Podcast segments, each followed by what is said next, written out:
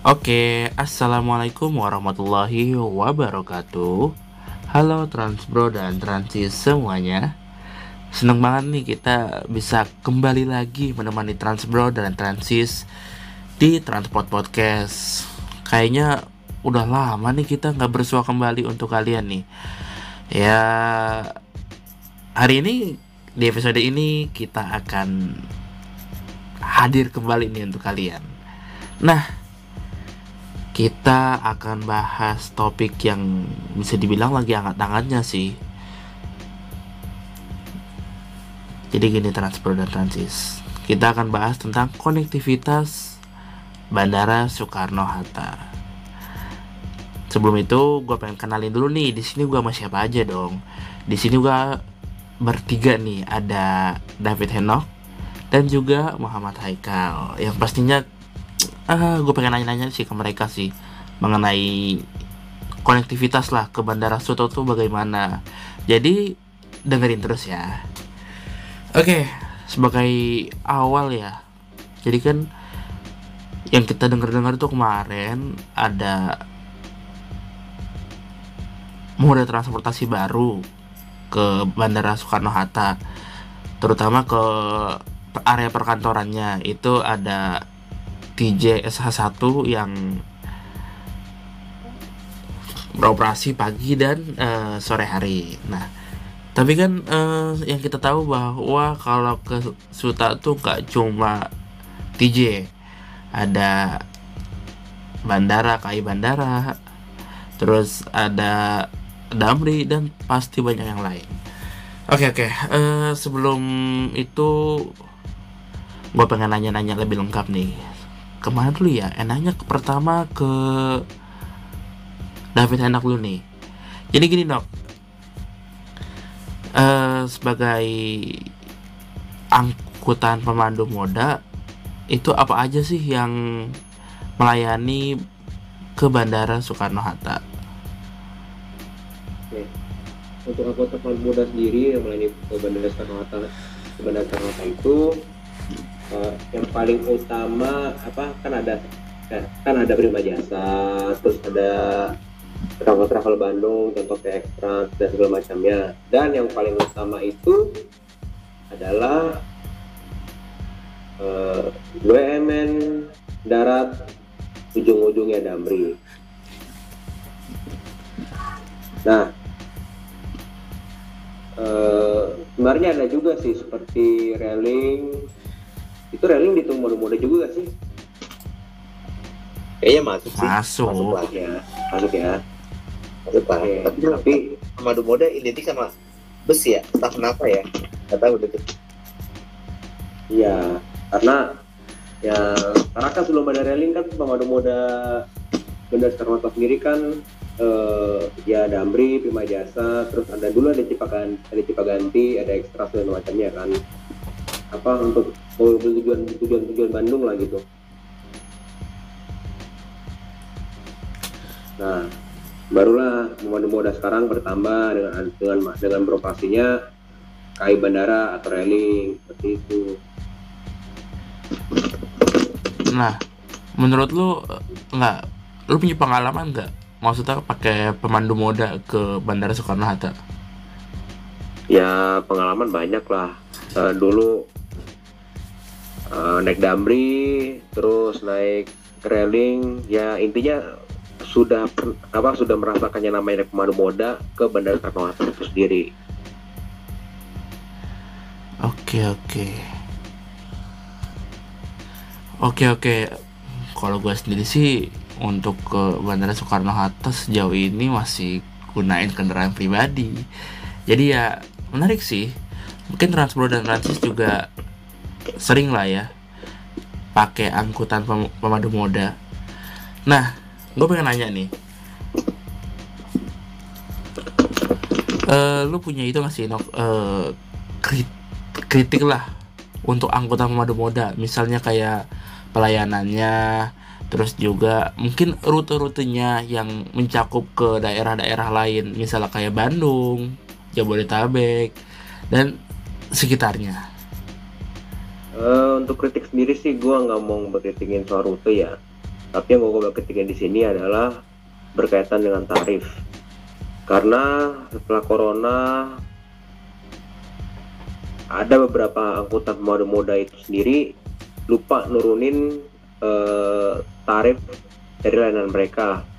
Karena yang kita tahu setelah apa setelah masa new normal sendiri kan demand atau demand dari si pengguna bandara ini kan makin meningkat. Pengguna transportasi apa pengguna transportasi udara ini kan meningkat tuh.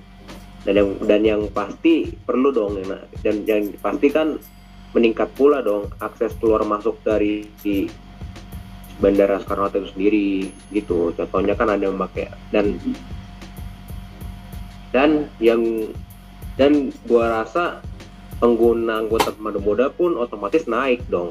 Setelah apa setelah masa new normal ini.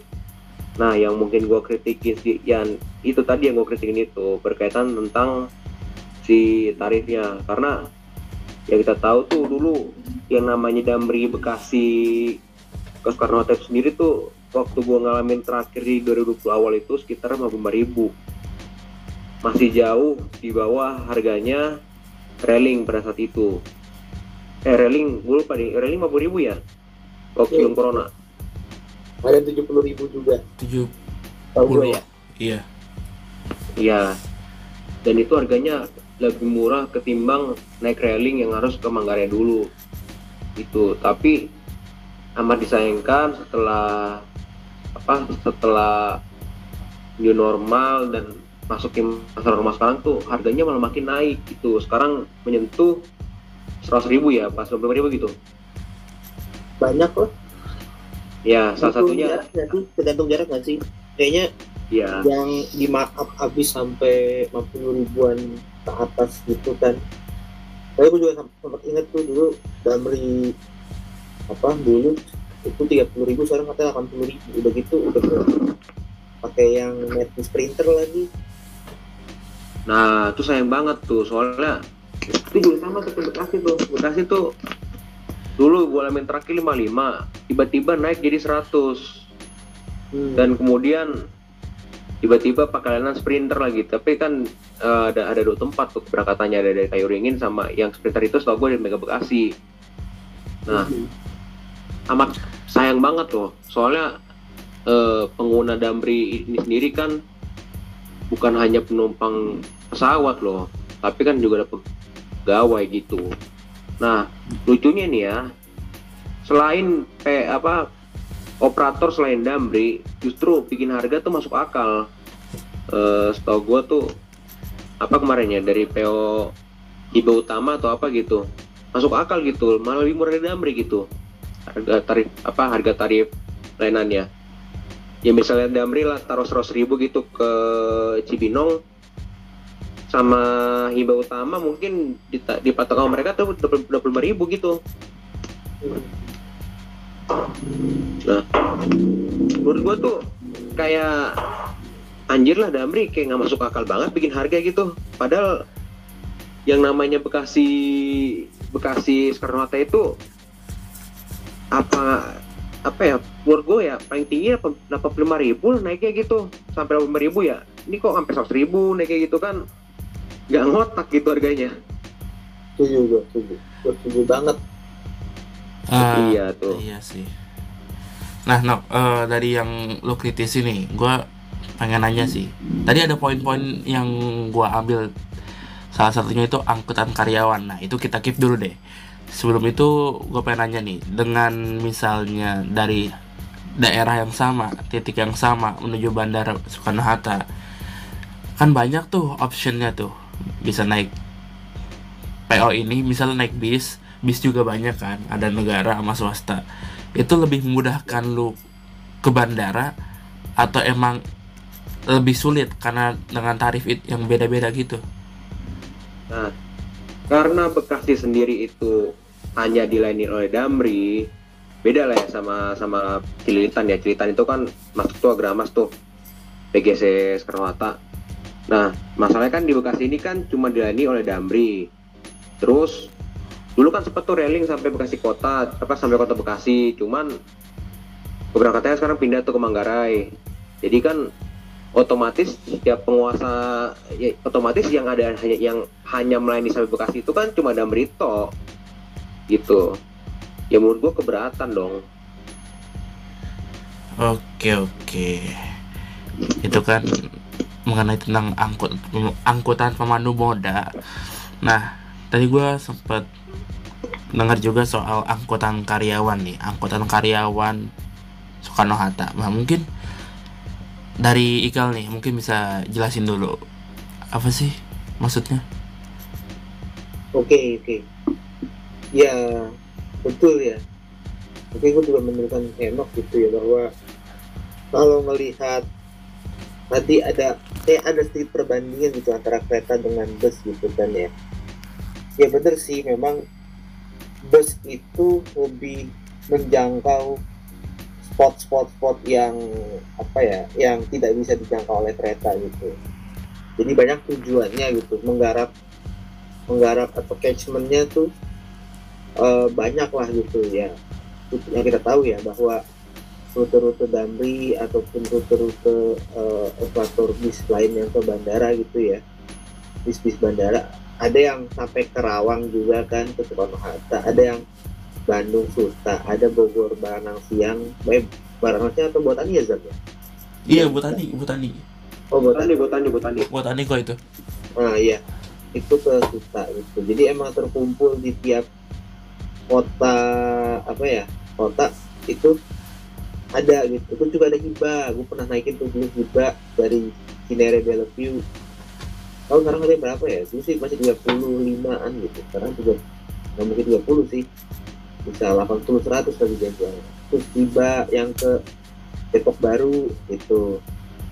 Pokoknya hibah main di Depok gitu ya. Nah itu kan eh, banyak gitu loh. Sampai daerah Serpong pun juga ada. Bisnis tahu pun BSD sana tuh ada juga gitu. Loh jadi sebenarnya tuh jangkauannya banyak gitu. Jadi untuk orang yang apa ya mau ke bandara gitu kan. Eh, orang yang ingin ingin terbang lebih tepatnya.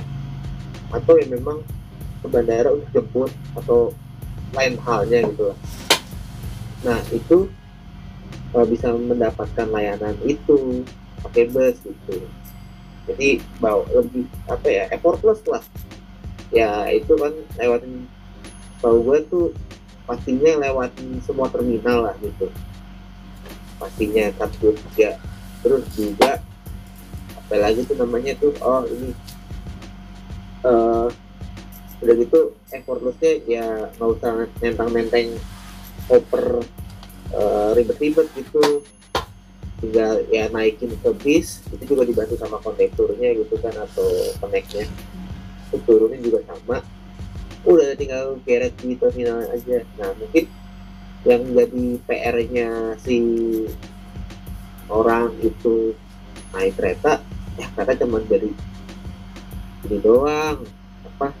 Manggarai eh, Sudirman Duri gitu batu ceper gitu ya effortnya ya orang harus berpindah moda gitu berpindah moda bentuk aksesibilitas yang lainnya yang effort lah. Misalnya kayak orang orang Bogor bela-bela ke Manggarai dulu naik KRL orang-orang misalnya dari daerah Pulau Rangkas lah contoh bela-bela dulu naik KRL sampai Duri itu udah pakai transit lagi gitu kan. Orang Tangerang juga bela-bela dulu naik naik KRL sampai ceper terus balik-balik lagi ke arah kita. Ataupun orang-orang dari Lebak dulu juga bela-bela naik MRT turun Sudirman nyambung KRL atau langsung kereta bandara gitu kan. Jadi ada effort-effort yang cukup capek sih untuk nenteng-nenteng oper gitu kan secara bis tidak nah mungkin tambahan kritik budaya gue juga ya. Apa tuh Zam? Ya mungkin harga itu jadi menentukan pamornya si kereta bandara. Nih sekarang kereta bandara kan juga ada yang ini kan premium yang tiga puluh ribu gitu jam-jam tertentu lagi eksekutif gitu. Ya ya so far sih memang nggak ada eh, nggak ada signifikan ininya lah perbedaannya lah tipis-tipis lah. Tapi ya itu hal yang lebih worth it gitu. Dan jadinya ya orang ya udah gue pengen ke bandara ya gue harus menyiap, menyiapkan mobilitas gue dong dengan cara yang mau apa dengan cara uh, mundurin waktunya jauh effort uh, ke KRL dulu segala macem ataupun MRT baru naik ke, ke bandara dan habis itu nyambung lagi side train gitu. Ya begitulah gitu. Uh, apa yang didapat dari itu dari bandara gitu effortnya. Sementara bis tidak nah gue lanjut lagi tentang uh, angkutan karyawan. Memang uh, apa ya nggak semuanya orang itu ke bandara untuk terbang ataupun jemput ataupun emang healing let's say gitu. Tapi memang ada orang yang tinggal di uh, tinggal di sekitar bandara lalu bekerja di bandara gitu. Tinggal di di sekitar bandara pun juga dipetakan seperti misalnya daerah uh, apa ya beda Jurumudi, Kalideres, uh, Citra, ataupun sampai Dadap itu mungkin Kosambi ataupun daerah belakang bandara gitu uh, Teluk Naga mungkin atau mau nggak tahu juga daerah itu juga ya.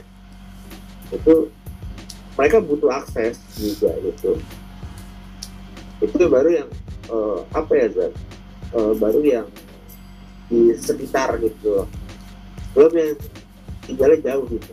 Makanya muncul ada settlement-settlement baru seperti kos-kosan uh, hunian-hunian baru yang untuk menjangkau orang orang yang di uh, kerjanya di sekitar bandara gitu. Di perkantorannya. Entah itu angkasa pura entah itu GMS entah itu di kargonya entah itu juga di retail-retail terminal bandara. Untuk menghasilkan apa ya uh, lapangan kerja lah. Cuma menghasilkan uh, penumpang doang gitu. Oh sama imigrasi juga yang penuh nah, terus itu kan butuh mobilitas gitu ya. Apalagi kalau misalnya rumah jauh itu juga butuh banget effort. Nah makanya benar kata Henok kalau kalau mengandalkan dari bandara mungkin dulu ya bisa sekarang enggak. Gitu. Sedih. Banyak effort cari cari cara lagi nah ini sekarang gue rasa pagi ini udah lagi apa namanya uh, kritis lah. Kurang kurang lebih dikatakan begitu. Nah nah memang sih kalau dilihat-lihat juga kos orang yang kerja di bandara sih jadi gede banget dibanding orang yang biasa ber, berpenglaju di sekitaran uh, bisnis listrik yang ada di sini ya gitu kan ya kalau misalnya orang di Sudirman ya paling KRL 5000 MRT sekian gitu udah kebaca lah. Tapi kalau bandara sekali sekali berangkat tuh misalnya tiga puluh ribu dua lima.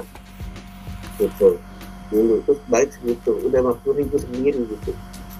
PP gitu kasihan kan. Nah yang setahu gue tadi benar tuh kata Henok ada agramas anggota karyawan sampai bundaran kargo juta dari UKI deh atau PGC pokoknya itu lah UKI lah anggaplah itu ada temen gue dari dari Cilitan kan PGC ya? PGC Cilitan ya? Iya PGC PGC oke. Okay. ya UKI juga sih kan. Terus ngeser kan ya baru masuk tolnya di Komdak gitu kalau nggak salah ya. Enggak uh, di Komdak apa di MCR di depan Carrefour ya tau gua? Oh iya iya iya iya. Iya iya habis Carrefour langsung masuk tol tuh bener bener bener. Soalnya Iya. ada teman gue yang kerja di bandara itu dari situ tuh dia nyegatnya tuh dari Saida. Udah beres ke Saida dah. Nah tau gua juga Kal Heeh. eh dari apa sekitaran Jakarta Timur itu maupun dari apa di depan BNN tuh ada tuh eh apa tuh? Juga omprengan bandara.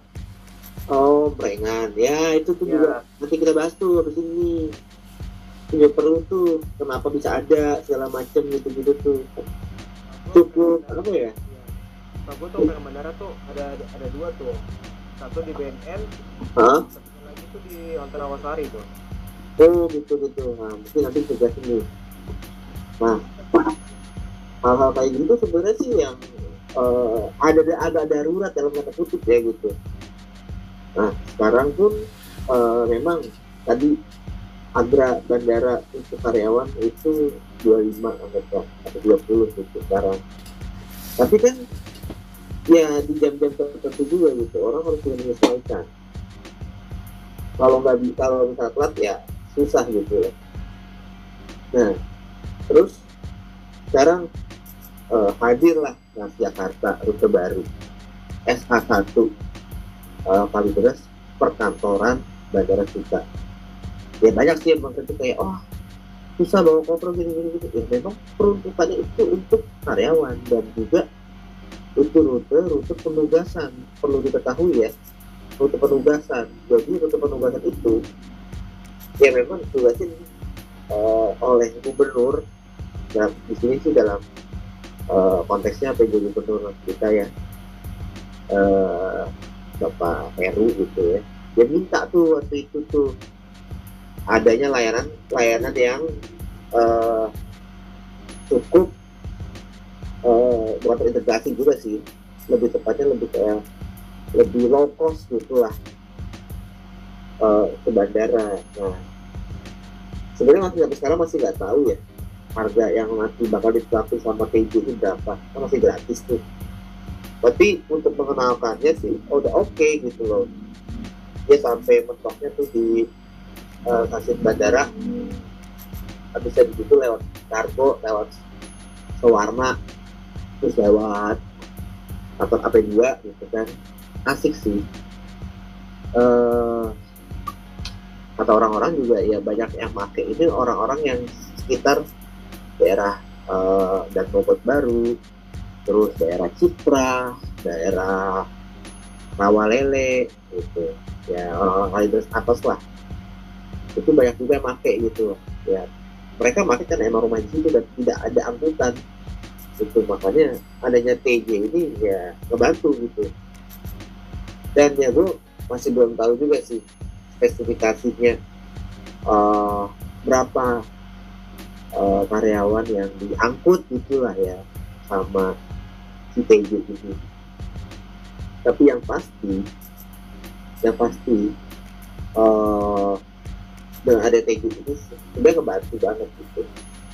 Cuman ya mungkin kalau untuk harga karena ini juga istilahnya uh, nge, itu orang-orang ini ya orang-orang Adidas tadi ya mungkin bisa lima 500 tapi tapi ya kalau nggak sampai, sampai bandara kalau sampai bandara ya mungkin tambah dikit ya mungkin gitu. Nggak tahu juga sih itu hitungannya gimana. Tapi juga sih keberadaan foto ini cukup bagus gitu. Uh, terus juga nanti mau dibuka SK2 dari Pantai Majupit ke uh, Suta sama perkantoran kita juga. Tapi gue rasa itu lebih baiknya sih karena dia masuk tol ya cukup direct gitu nggak ada jarang ada pemberhentiannya. Gue rasa kalau pakai Royal di harga dua puluh ribu oke okay sih. Kalau yang S1 itu kan low deck gitu. Jadi ya nanti lihat nanti lah kayak gimana soalnya agak spesial spesial case nih si PJ ini dan ya agak kabarnya ya agak-agak disayangkan ini kurang dapat dukungan dari BPTJ gitu agak sayangnya semoga sih bisa merangkul lah ya karena BPTJ ini lebih kayak merangkul uh, apa yang operator-operator existing pemandu moda itu gitu. jadi ini bisa newcomer tapi ya ya agak-agak sedikit di uh, tersingkirkan lah. Yang harusnya sih DJ tetap harus eksis gitu ya. Uh, karena emang peruntukannya itu ya. Sekarang baik lagi sih orang kalau mau terbang pakai DJ itu neteng juga ya agak apa ya effort juga sih lagi ke orangnya kalau mau effort ya udah. Sama satu lagi uh, rute Trans Kota Tangerang dari uh, apa namanya Cadas ke gerbang M1 belakang Tangerang belakang Kuta tuh. Nah itu uh, 4000 harganya 4000 lalu habis itu uh, apa namanya uh, bisa kecil tapi oke okay lah. Ya, itu juga jadi untuk primadona orang-orang yang mau ke bandara dari Tangerang. Karena cukup oke sih. Kalau mau ngeteng itu ya bisa naik KRL sampai sampai Ceper terus sambung transfer ke Tangerang Payo itu koridor satu sampai eh, pemberhentian Basop eh, kalau itu pintu air terus nyambung nyambung sama si tadi itu PKT koridor 4 yang dari Cabas ke M1 bisa sih lalu dari M1 ke terminal dan masing-masing ya nyambung satu satu dari Angkasa Pura yang ada lima ribu ada juga yang gratis gitu. Ya itu sih eh, banyak jalan yang menuju sisa gitu. Nah, kan nggak tahu tuh. Jujur. Eh, itu gimana? tapi sorry nih, tapi sorry nih, gue mungkin mau coba mengkritisi rute S1 satu ini ya. boleh. Jujur, S1 ini kan stop kali deres ya menurut gua agak kurang untuk menjangkau para pengelaju yang di tengah-tengah nih menurut gua nih. nah jujur kurang kurang kurang timuran dikit gitu ya. Minimal grogol gitu ya Iya minimal kalau nggak grogol ya apa tuh Dep, apa tomang lah gitu. oh iya iya grogol lah mungkin ada kan misalnya gitu kan Iya, kok tomang kan istilahnya kan masih masih masih kesentuh sama bus arah Tangerang, tentu Iya. Kors Bulan, ya bisa bisa Gitu. kayak gitu sih terus yang tentu juga orang yang pengen ke bandara dari Kor 1 gitu. Soalnya kalau misalnya kali deres tuh ujung banget gitu. Ujung banget lu mau nyari mau, mau dapet penumpang dari mana gitu susah.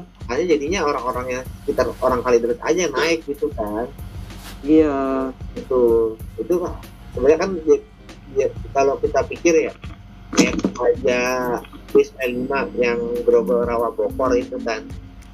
Iya. ya seutrit doang gitu. Dipanjangin sampai juta oke lah. Jadi gitu. Terus juga terintegrasi sama apa Jack 80 tuh rawa company rawa buaya. Ya mau sampai mau sampai mana gitu. Sama ini sih mungkin ya apa pada animasi text to water gitu eh, armadanya dikit terus juga jamnya cuma pagi sore doang gitu. Tapi setiap hari gitu ya. Eh bisa all day gitu kan. Iya dan juga gini loh kan bandara itu kan nggak hanya untuk orang yang bekerja orang mau pergi orang yang mau urusan lain toh juga kan hasil hasil apa hasil survei dari pengoperasian S1 sendiri kan ternyata banyak orang yang apa ingin berwisata gitu ke bandara gitu. Istilahnya warga-warga Kalideres yang istilahnya gue pengen lihat pesawat nih gitu. Oh oh Iya, oh ini ada S1 gitu. Nah itu. Iya bener-bener makanya. Tapi iya tapi ya agak disayangkan lah startnya Kalideres gitu. Coba startnya dari Tomang gitu. Kalau nggak- Tomang ya Taman Grogol. Iya. Grogol gitu. Ya terserah kalau grogol pakai low deck ya oke sih sebenarnya. Kan grogol terminalnya gitu kan meskipun kecil bisa iya. gitu. Nah kalau ompengan nih gimana? Aku sih sebenarnya gue masih nggak nggak terlalu tahu gitu ya. Betul betul. Nah omprengan ini sendiri ya eh, setangkap gua gua belum pernah naik ya. Tapi gua pernah lihat tuh ada ada pelangnya gitu ada pernah ada website apa ada sign-nya gitu. Kalau omprengan omprengan bandara gitu omprengan bandara Soekarno Hatta start dari BNN dan itu pernah diceritain tuh sama eh, om gua. Om gua kebetulan ada eh, pegawai di hubungan udara tuh di Soekarno Hatta. Dan itu ada apa mod eh, angkutan andalan dia lah gitu kalau misalnya ke bandara gitu. Oh gitu gitu gitu. Ya ya basically ya seperti omprengan yang pada umumnya ya iya. Tapi ini tujuannya ke bandara gitu. Dan dan yang dinaikin itu rata-rata ada karyawan-karyawan Kasapura terus karyawan perubahan udara. Iya mereka naikin karena emang yang terdekat dari itu langsung direct kan? Terdekat dari daerahnya dia gitu dan langsung direct. Iya. Iya. Itu. Nah betul. tau nah tahu tahu gue juga tuh di Rawasari juga ada Eh, seperti di BNN tapi itu kedoknya bukan bukan omprengan tapi bila- apa kedoknya itu taksi tapi itu omprengan sebenarnya oh iya iya itu di itu pakai apa? Apa? pakai helm Bukan sih. Kalau gue belum beli Avanza Innova gitu deh. oh gitu Kalau yang BNN itu terlihat gue tuh Grand Max kayak biasa. Oh, Grand Max GP itu. store ini jatuhnya ilegal atau enggak Nah ini agak-agak bingung gue ya. makanya Ilegal apa? Dibilang dibilang dibilang ilegal dibilang ilegal iya tapi kira nggak ada repot gitu. nah gitu jadi emang ya sebenarnya kalau mau apa salah salah atur semuanya tuh Nah itu Terima. ya kenapa kenapa ya kita kenapa bangun bandara sih bangun bandara itu udah oke lah udah udah masalahnya cuman maksudnya ngambil bandara itu yang untuk perluasan mobilitas itu tuh yang istilahnya nggak dipikir gitu ya nah iya. Itu jangan sampai tuh ini butuh juga nanti kan itu butuh ya makan juga gitu kalau di hal-hal yang merugikan. Bisa-bisa Iya. lebih galak gitu. Iya ya itu. Selama ini gue apa ya gue mikir lu ke bandara doang kan bandara masih dalam kota gitu istilah masih dalam regional. Tapi tar- naripin tiketnya tuh rasanya kayak naripin tiket akap gitu aduh wah iya makanya. 100 sampai 200 tuh udah nggak akal gitu. Udah nggak masuk akal itu. Heeh, gimana ya gimana ini dalam meriah aduh aduh. Sayang banget tuh. Iya. Seperti Eh. itu. terus juga lagi ya pak eh, mengenai oh ya angkasa pura ini setahu setahu gue apa angkasa seta- setahu setahu kita semua ya katanya membangun terminal integrasi ya di dekat stasiun bandara ya. Nah ini pernah lihat tuh emang sebelah sebelahnya tuh lagi dibangun kan tuh. Ya Eh, nah ini mungkin gue belum tahu purpose-nya nih mungkin lu bisa jelasin gak lu mungkin bisa ngejelasin sedikit lah kalau purpose dari bangunan tersebut ya mungkin sih visi misinya itu ya membangun kayak misalnya jadi kayak terminal gitu loh terminal bis dan yang tercampur sama Skytrain sama itu ya mungkin sih konsepnya bagus ya kalau itu yang yang gue pernah lihat gitu ya pas coba Be- bandara hmm, base parknya mungkin kayak terminal apa tuh yang di BSD oh intermoda itu Iya, mungkin Intermoda. itu ya. mungkin kurang lebih seperti itu ya Cuman- seperti itu. Iya. Cuman ya bener sih. Ya kalau dipikir-pikir kan emang untuk pemandu moda ya kita lihat dulu ya pemandu moda ya. Pemandu moda itu kan pasti kan keneknya bakal nanya "E, turun mana? Terminal berapa? Satu dua tiga dah. Gitu kan. Direct kan langsung to the point terminal gitu. Nah pertanyaannya mungkin sebagai pengendapan aja gitu. Kan selama ini kan kayak di terminal 2 ada ada tempat dampingnya satu ada terus juga ada lagi kayak uh, di terminal 3 juga ada pengendapan dampingnya gitu. Nah mungkin itu kayak lebih kayak nih terminalnya apa terminal bisnya gitu loh.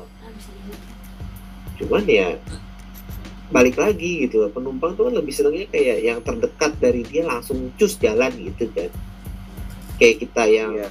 di bandara mesin taksi kan gitu kan tinggal datang aja ke loket taksinya ngantri satu-satu dah gitu kan langsung dapat masuk taksi kalau tiba gitu kan. Nah gue juga nggak tahu sih peruntukannya ntar gimana gitu. Tapi kalaupun untuk ya angkutan itu di, difokuskannya untuk angkutan karyawan akan lebih baik kalau gue rasa. Nah iya karena kan emang tengah-tengah itu ya emang sebenarnya iya. karyawan nggak sama waktu lah gitu nggak butuh waktu yang kayak mendadak untuk direct masuk flight gitu lah ya kan? Iya soalnya setahu gue tuh karyawan itu kan pengendapan itu kan di M1 ya? Nah M1 iya. Iya. Nah itu peng- pengendapan di M1 ya kita tarik kesimpulan yang M1 itu kan mungkin yang tinggal di sekitar bandara atau yang Tuh. kos di yang kosnya di deket-deket M1 nah apa kabar nih buat yang karyawan yang tinggalnya timur contoh ya timur di Bekasi di Jakarta Timur Cawang gitu kan Betul. M1 kan sama aja ngebaratin lagi selain gitu Heeh. jadi ya emang kayak pola-pola kalau kita pikir pola transportasinya ya yang ngebangun transportasi Jakarta aja gitu yang ibarat kata pivotnya tuh tengahnya itu tuh ya misalnya Sudirman lah gitu. Nah ini sama gitu. Nggak bisa lu nggak bisa lu bedain gitu kalau dipikir-pikir ya. Jadi apa ya ya emang harus dikumpulkan di situ ya? Ya anggap ada ada eh, rute ah, jangan omprengan lah ngomongnya lah ya.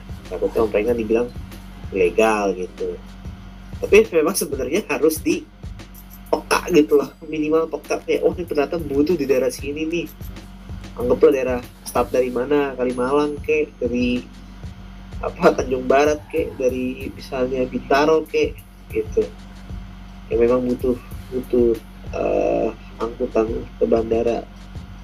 Bahkan sampai Tangerang Selatan Tangerang Kota pun juga masih gitu loh. Nggak cuma bisa ngandelin Transkota Tangerang doang itu juga sore habis gitu.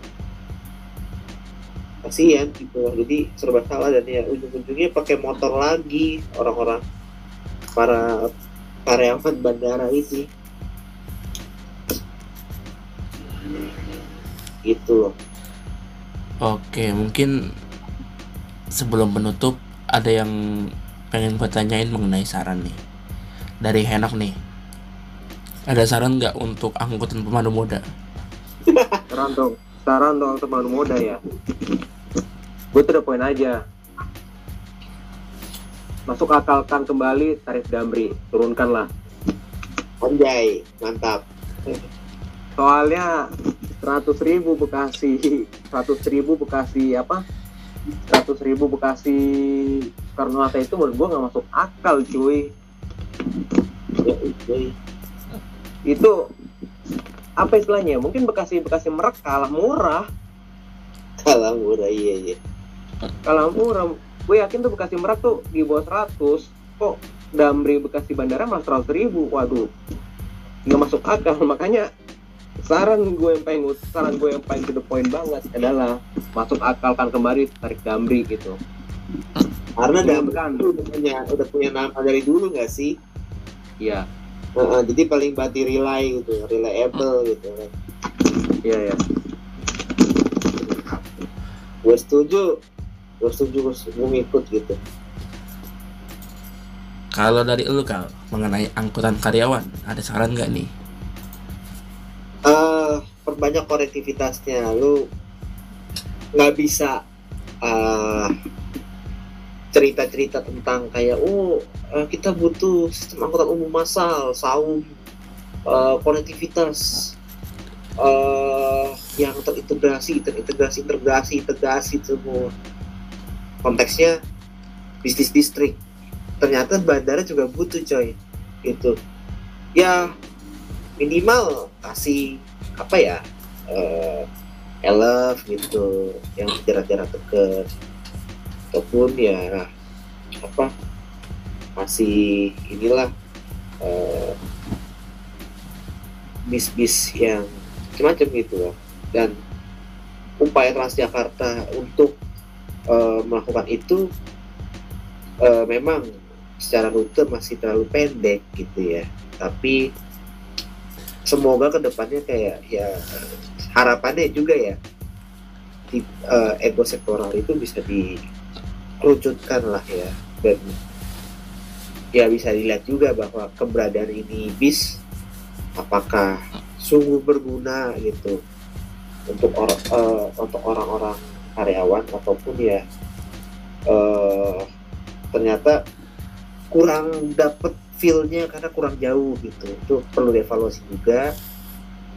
Dan yang perbanyak konektivitas udah itu aja sih dari gue Oke, jadi intinya gitu ya transport dan transis. Mungkin jika dari kalian ada yang punya saran atau ingin sambat, bisa lah ya eh, berkunjung ke DM Instagram kami. Dan juga terima kasih udah mendengarkan episode ini. Mohon maaf jika ada kesalahan. Wassalamualaikum warahmatullahi wabarakatuh.